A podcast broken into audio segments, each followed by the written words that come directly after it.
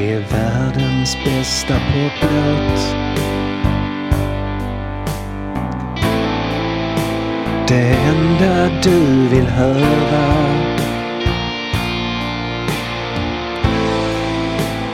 Världens bästa poplåt i ditt öra. Välkomna till världens bästa poplåt. Det här är avsnittet alla visste skulle komma, men som jag försökt skjuta på så länge som bara möjligt för allas vår mentala hälsas skull.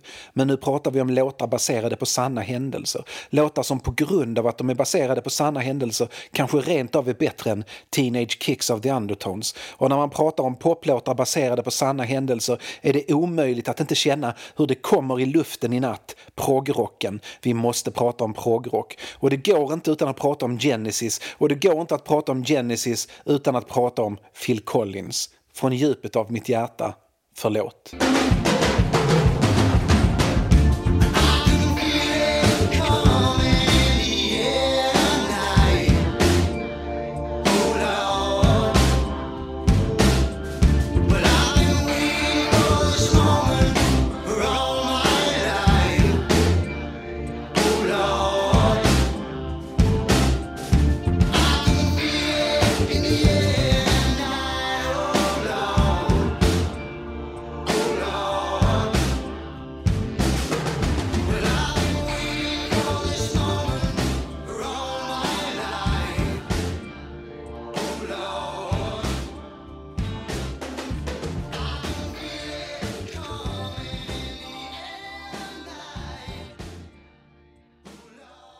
–1985 ägde brittiska före detta progrockgruppen Genesis topplistorna i USA och i Storbritannien och mycket berodde såklart på att deras trumslagare och senare huvudsångare Phil Collins använt lite ledig tid till att skriva av sig om sin skilsmässa i In the air tonight. Tillsammans med en med ljudeffekter kraftigt förstärkt virveltrumma som han uppfunnit tillsammans med Genesis förre sångare Peter Gabriel finns han plötsligt överallt och sådär charmigt och roligt sprider han sig och sitt budskap och sina poppiga kärlekslåtar som är långt mer tillgängliga än den musik Genesis gjorde sig kända för en gång i tiden. 1985 står fyra av fem medlemmar, eller före detta medlemmar, i Genesis på poppens topp. Gabriel och Collins. Collins spelar dessutom huvudrollen i ett av Miami Vice mest sedda avsnitt som soloartister. Gitarristen Steve Hackett i bandet GTR och basisten Mike Rutherford i sitt Mike and the Mechanics. Som om detta inte var nog så blir gruppen Genesis som 1985 består av Collins, Rutherford och Tony Banks ett globalt fenomen med skivan och i viss mån låten Invisible Touch.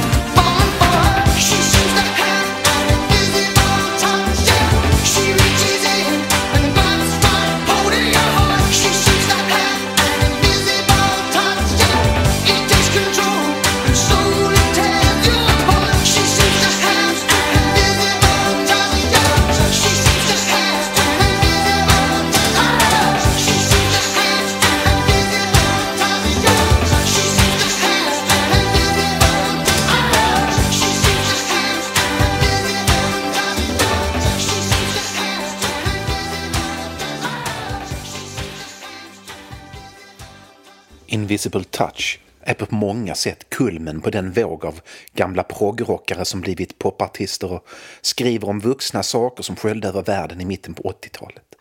Men det här är inte berättelsen om hur popmusiken blev vuxen, klippte sig, skaffade sig amorteringar på huset och problem med att pussla ihop livspusslet. Nej, det här är berättelsen om The Battle of Epping Forest, den första låten på andra sidan av Genesis Selling England by the Pound. Skivan som var tänkt att både bryta ny mark och bevara den publik Genesis skaffade sig med den monumentalt proggiga proggskivan Foxtrot.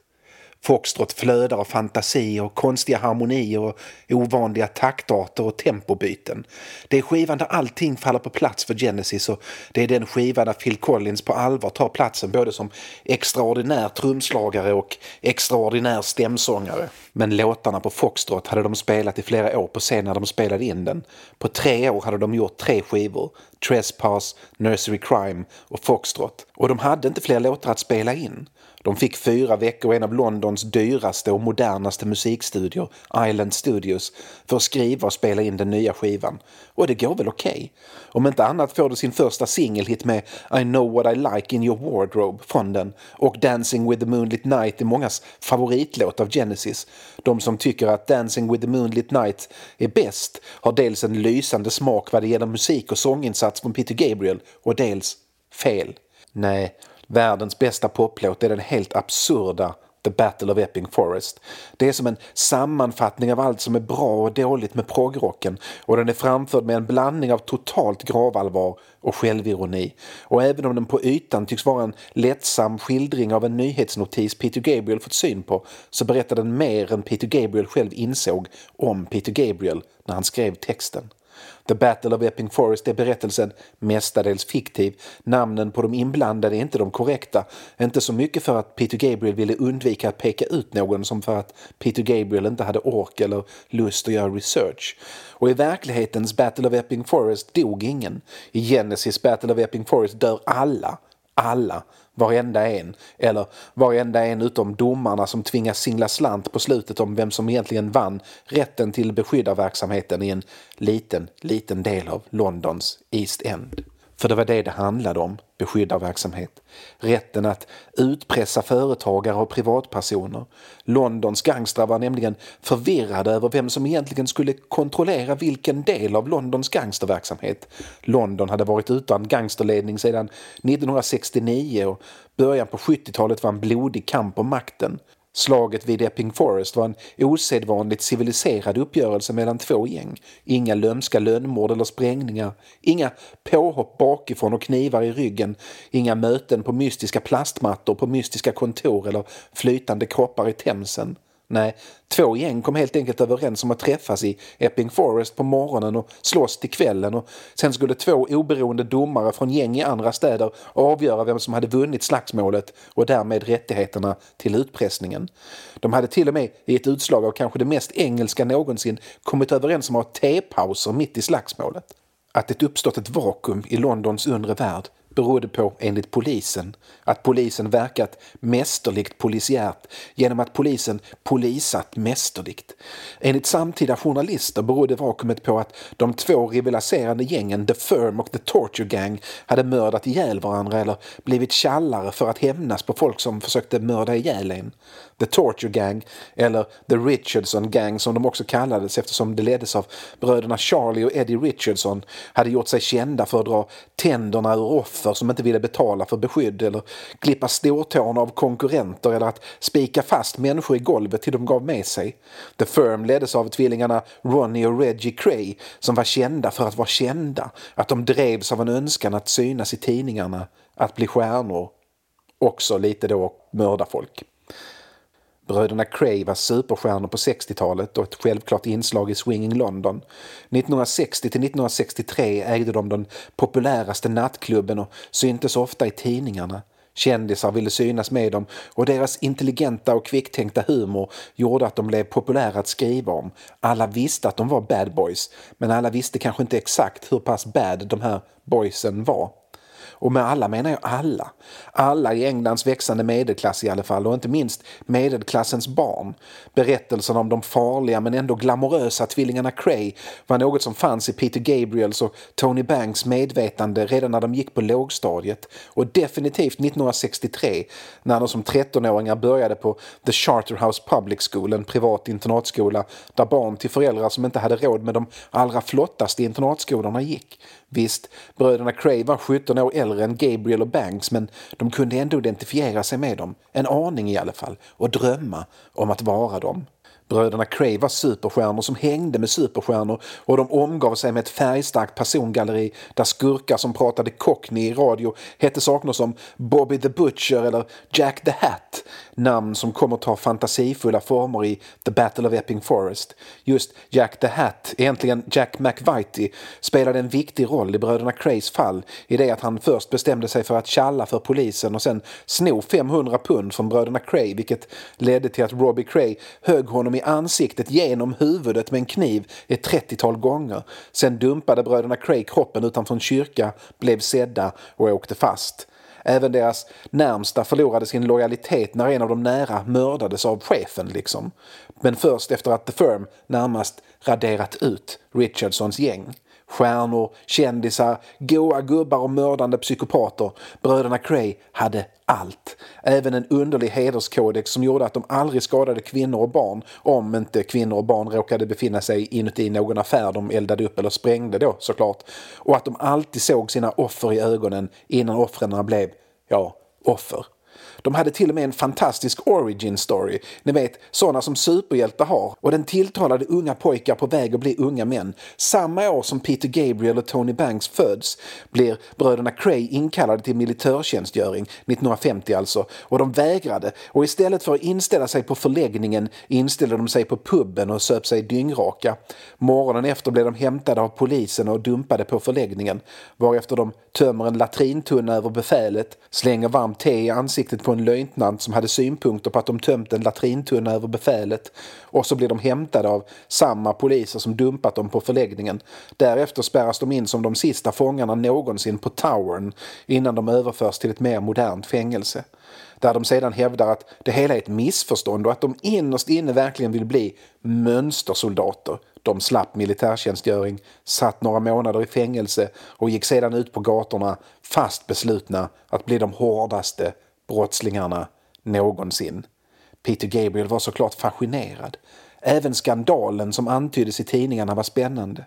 Det ryktades att anledningen till att bröderna Cray inte åkt fast, att deras The Firm fick hållas, var att den med 40 minuter äldre av tvillingarna, Ronnie, hade en homosexuell relation med baron Robert Boothby och ingen ville göra något som fick Boothby att se dålig eller homosexuell ut. Han hade etablissemangets och polisens beskydd, den där Ronnie.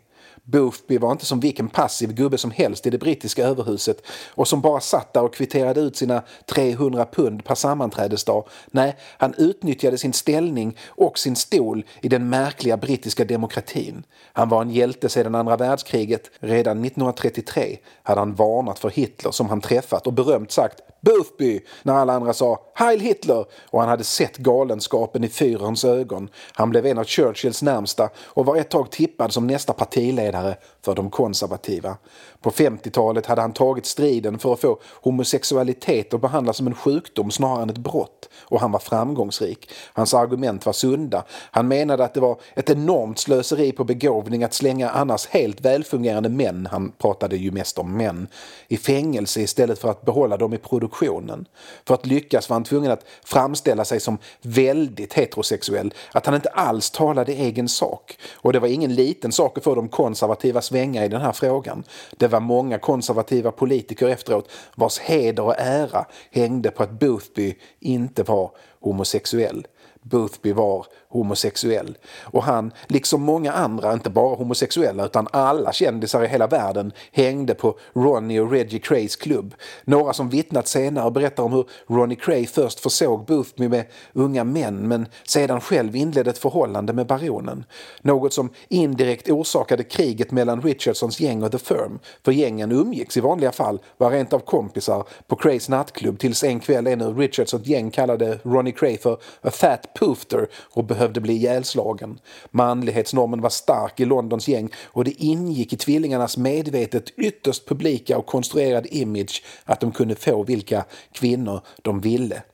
Hade inte bröderna Cray börjat mörda folk, de fälldes för två mord men misstänktes för minst ett tjugotal, hade de antagligen inte åkt fast. Kanske rent av själv blivit Pierce och fått sitta i överhuset. Men 1969 tog det slut. Livstidsfängelse för båda bröderna och London stod utan både Richardsons gäng och The Firm. Och Peter Gabriel hade följt utvecklingen precis som alla andra som levde i England på 60-talet. Legenderna om bröderna Cray lever kvar, även om bröderna är döda. Det görs filmer, det skrivs böcker och framförallt Ronnie Cray är fortfarande ett kulturellt koncept. Den manliga, lite farliga mannen som ändå antas ha ett gott hjärta innerst inne. En älskvärd skurk som får kvinnorna på fall.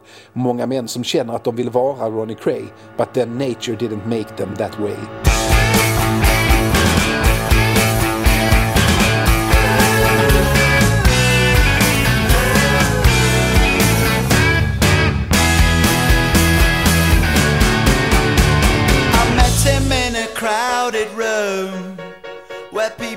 To drink away their gloom. He sat me down and so began the story of a charmless man, educated the expensive way. He knows his Clara from his Beaujolais. I think he'd like to have been running cray, but then nature didn't make him that way.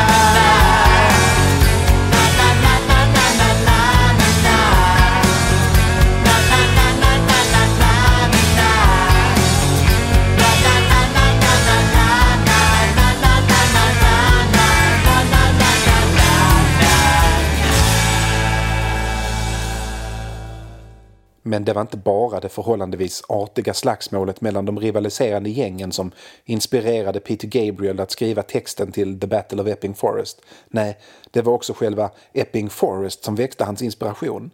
Epping ligger i östraste London, en stadsdel som på 60-talet var där London övergick i landsbygd.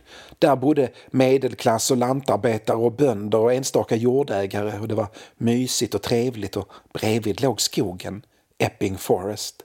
Epping Forest, ett populärt utflyktsmål och rekreationsplats nu, blev en Kings Forest på 1100-talet när kung Henrik II ville skydda sina jaktmarker. Ingen får bryta grenar eller jaga eller förstöra i en Kings Forest och ingen fick utnyttja marken utan kungens personliga tillåtelse. En Kings Forest är en märklig juridisk konstruktion som finns kvar än idag. Som inte alls behöver betyda att det står träd i den. Det kan handla om åkermark som kungahuset känner ett behov av att låta växa igen eller arrendera ut utanför det vanliga regelverket. Men i Epping Forest finns det träd och Elisabeth den förstas jaktstuga som är större än ett genomsnittligt svenskt slott. Peter Gabriel hade varit där när han var barn. Trevligt, mysigt, pittoreskt men också spännande. För det var hit adelsmännen red för att duellera när det var modernt att duellera. Det var också hit överklassens pojkar och unga män, precis som gängen 1972, stämt möte för att göra upp. The Battle of Epping Forest 1972 var långt ifrån det första. Det finns över 500 rapporterade slagsmål och mindre fältslag rapporterade i Epping Forest sedan 1700-talets början. Och det stannar inte där, för det var bland annat i Epping Forest som stråtrövaren och senare folkhjälten Dick Turpin stråtrövade.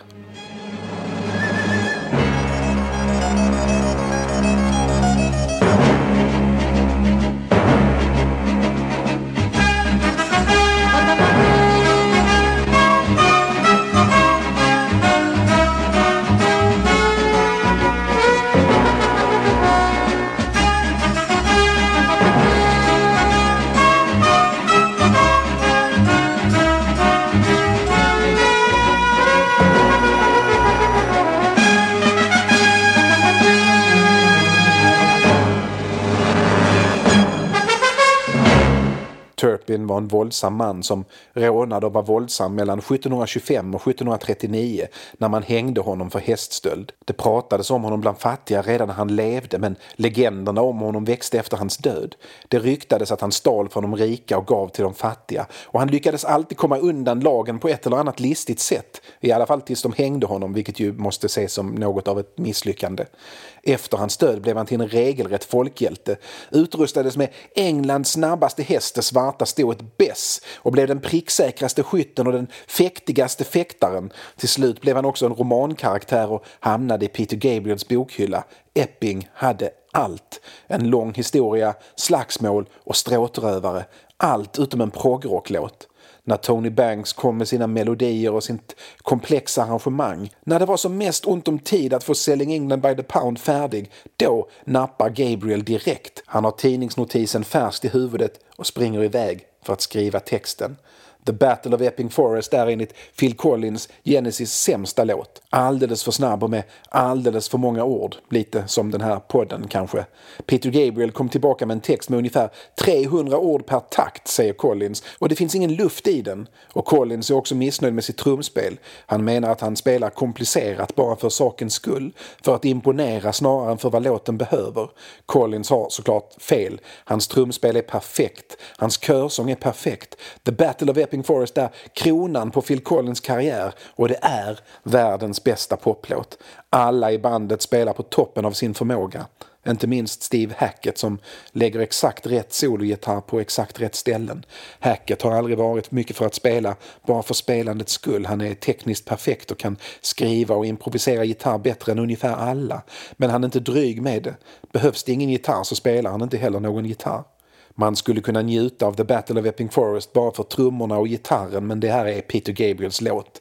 Han lever sig in i varje rollfigur. Han lyckas ingjuta liv i Bob the Nob och Harold Demure och han spelar den kåta prästen vars karriär hotas och han tvingas tvätta skurkarnas pengar med total hängivenhet. Visst, det är många ord och det är allitterationer och det är vitsar och fyndiga grepp och referenser till engelska folksagor men det är kanske också den mest engelska låten som någonsin gjorts. Genesis spelar den live bara ett par tre gånger eftersom den dels krävde tre kostymbyten för Gabriel som uppträdde som 60-talsskurk i kostym, hatt och slips, präst och domare. Och dels var den ett 12 minuter långt intensivt ordbombardemang från scenen som få i publiken klarade av. Genesis hittade inget naturligt ställe för den i sina set heller, men det spelar ingen roll. Den naturliga platsen för The Battle of Epping Forest är här, i världens bästa poplåt. Är den bättre än Teenage Kicks of the Undertones, denna minimalistiska poppärla från punken? Kanske.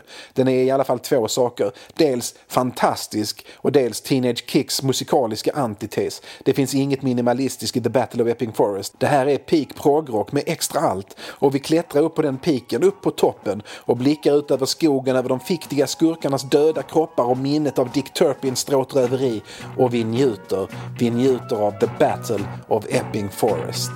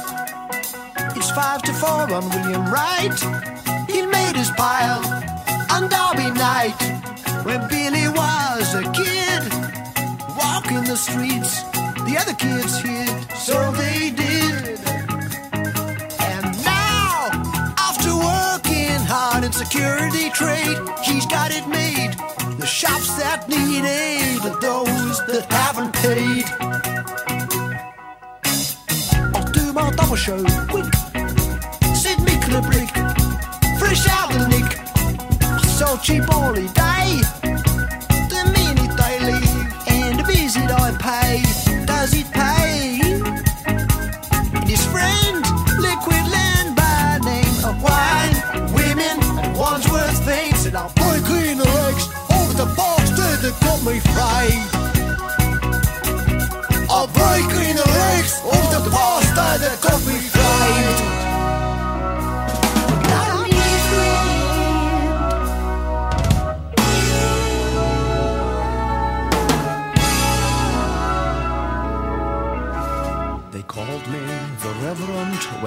The church unstained. My employers have changed, but the name has remained All began when I went on a tour hoping to find some furniture. Followed a sign saying beautiful chest. Led to a lady who showed me a best. She was taken by surprise when I quickly closed my eyes. So she bell and quick as hell. Bob the now came out on his job to see what the trouble was.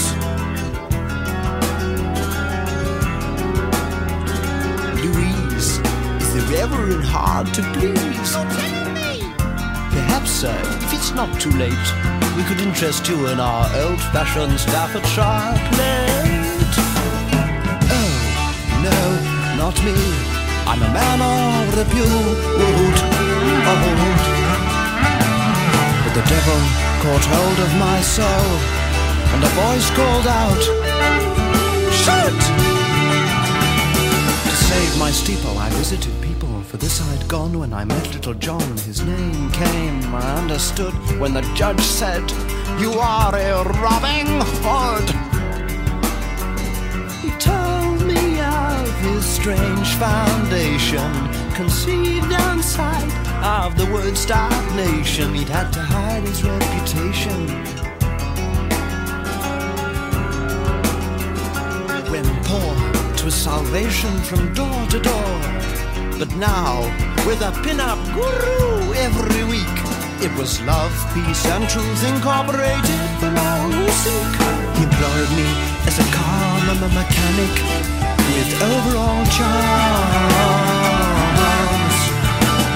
His hands were then fit to receive, receive arms.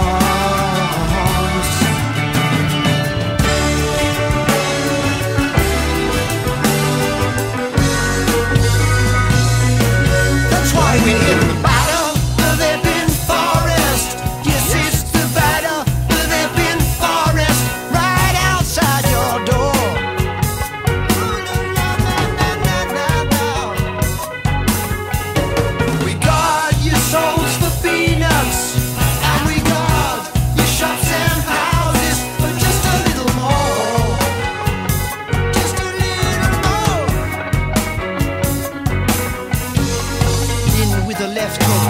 Bethnal Green butcher, but he's counted on the right by mixed chain gang fight. And Liquid Len with his smashed bottle men, he's lobbing Bob the knob across the Gorba. With his kisser in a mess, Bob seems under stress, but John's the joke hits Len right in the mouth. And Howard Damien is still not quite sure, five acorns from out of his